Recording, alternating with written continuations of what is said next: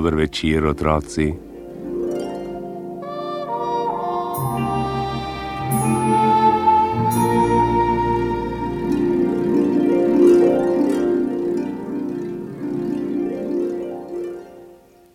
Ej, ti spak, vsi pametni dnevi so mimo. Tale gre mimo. Pust, pust krivih ust, turških brk skozi vas, skozi trg. Ej, ti spak, dober večer. Dolgo krilo, motovilo se uvilo okrog nog. Nak, tako pa že ne bo šlo. Nekaj drugega in drugačnega vidim, pa se mi zdi, da utegne biti celo smešno. Nekoč sta živela mož in žena. Nista in nista se mogla sporazumeti. Mož je pravil ženi, da je prismoda, žena pa možu bedak. In tako sta se kar prerekala. Pa je kupil nekaj pudov riža in masla, vse skupaj naložil na hrbet dninarju in poslal domov. Žena pa se je jezila.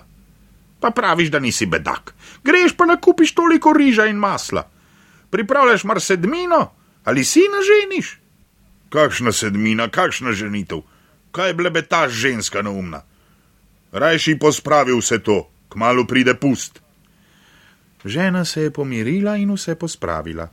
Tako je minilo nekaj dni, žena je čakala in čakala, pusta pa od nikodar. In ko je tako sedela na pragu in čakala pusta, je zagledala nekega človeka, ki je hitel po cesti. Pomahala mu je: Hej, človek, kam se ti tako mudi? Popotnik se je ustavil kaj si mogoče ti pust? Popotni je opazil, da manjka ženski kolesce in pomislil: Reče mi, da sem pust, bom videl, kaj bo. Kako pa kljubico, da sem pust, kaj pa je? To ti povem, da bi že zdavnaj lahko odnesel svoj riž in svoje maslo, saj mi ne plačuješ, da bi pazila na tvoje blago. Nikar se ne jezi, sestrica, saj zato sem prišel. Iskal sem hišo, pa je nisem takoj našel. No, pridi in vzemi.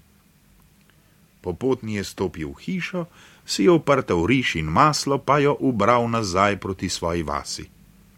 Tedaj se je vrnil domov mož tiste ženske. Na zadnje je le prišel tisti tvoj pust. Dal sem mu, kar je bilo njegovega, vzel je in je šel. Kakšen pust? Kaj je bilo njegovega? Riž in maslo vendar si pa hitro pozabil. Zagledala sem ga, kako je hodil po ulici in iskal našo hišo. Poklicala sem ga in mu jih pošteno nabrenkala. Naložila sem mu vse skupaj na hrbet in mu pokazala vrata, kar hitro se je pobral. O, prismoda, čisto tebi podobno, z eno besedo prismoda, v katero stran pa jo je mahnil. Tjale.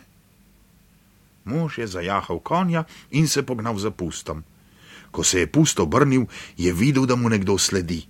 Hitro mu je prišlo na misel, da je mogoče mož tiste ženske. Odložil je breme v jarek in tedaj ga je jezdec tudi že dohitel. Dobr dan, bratec. Dobr dan. Je šel kdo tudi mimo? Šel. Pa je kaj nosil na plečih? Riš in maslo. Prav njega iščem. Pa je že dolgo, kar je šel. Kar dosti dolgo. Ga bom dohitel, če poženem. Kje le, ti jahaš, on je pa peš. Medtem ko se mora tvoja žival prestopiti s štirimi nogami, ena, dve, tri, štiri, lahko on na svojih dveh pohiti, ena, dve, ena, dve, tako ga že ne dohitiš. Kaj pa naj storim?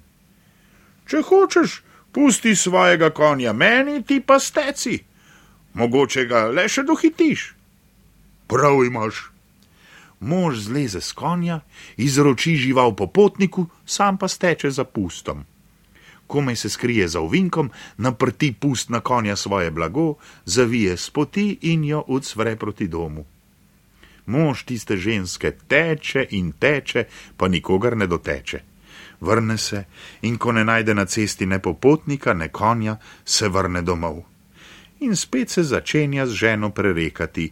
Mož očita ženi riž in maslo, žena možu konja. In tako se prerekata še dan danes. Mož pravi ženi prismoda, žena možu bedak. Pust pa se ima smeji. Smejmo se še mi in brž pojdimo, ulovimo pusta, da nam spanja ne pohrusta. Mama pravi: Ti pokora, beži, dete v postelj mora zdaj pa hop, brž pod odejo. Vemo vsi, Otroci tudi vejo, da nam noč prinese spanje, spanjem pa še lepe sanje. To želimo vam in gredoč iz srca vam voščim lahko noč.